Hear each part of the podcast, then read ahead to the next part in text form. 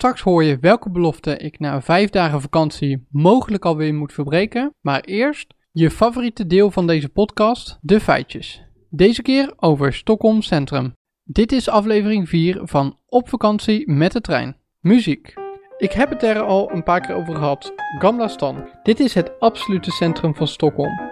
De oude historische binnenstad is een van de best bewaarde middeleeuwse stadskernen van Europa. De kerk in Gamla heet Storkikan. En deze kerk wordt al in de boeken van 1279 genoemd. Is dus waarschijnlijk nog veel ouder. Koninklijk Paleis ligt ook in Gamla en is een van de grootste paleizen ter wereld. Stockholm Centrum is gevestigd op 14 eilanden en wordt omringd door water. Het centrum van Stockholm is niet super groot, dus je kan alles lekker lopen. Zie je dat niet zitten? Dan is het openbaar vervoer ook goed geregeld. En nu wat over de wijken van Stockholm. Oosterhalm is een van de rijkste wijken van de stad. Hier vind je ook de overdekte markthal, exclusieve winkels en statige gebouwen. Andere wijk, Norrhalm, is de belangrijkste winkelwijk van Stockholm. In Norrmalm staat ook het concertgebouw. Hier wordt ieder jaar de Nobelprijs voor de Vrede uitgereikt. Söderhalm is de trendywijk in het zuiden van Stockholm. Dit staat bekend om zijn creatieve sfeer en zijn levendige cultuur. Vanaf Södermalm heb je het beste uitzicht over de stad, met name vanaf de heuvels. Ten slotte Vasseltan. Dat is de rustigste woonwijk met mooie parken en de residentiële gebouwen en gezellige cafés. Dit waren de feitjes. Deze feitjes zijn mede mogelijk gemaakt door Artificial Intelligence. Ik ben niet verantwoordelijk voor eventuele fouten. Nu de realiteit. Poging 2. Goed voorbereid naar de moestuinen.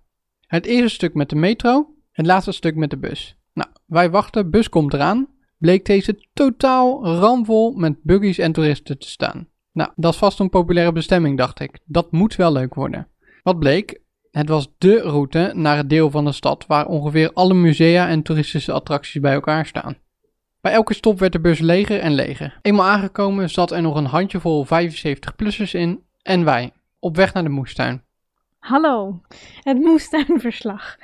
Wat wil je weten? Nou, hoe vond je het? Ik vond het dus echt heel leuk. En ik hoorde je net een beetje blaten over dat het 75 plus was, maar er waren ook heel veel kinderwagens uiteindelijk. Dat klopt, want het blijkt dus dat activiteiten die geschikt zijn voor 75-plussers ook zeer geschikt zijn voor hele jonge kinderen, maar misschien iets minder voor onszelf. Hoezo? Nou, gewoon. Wat was er nou te doen? Ik kan hier natuurlijk geen fatsoenlijke podcast van maken. Hermine, het leven draait niet alleen om podcast. Het draait om avonturen beleven.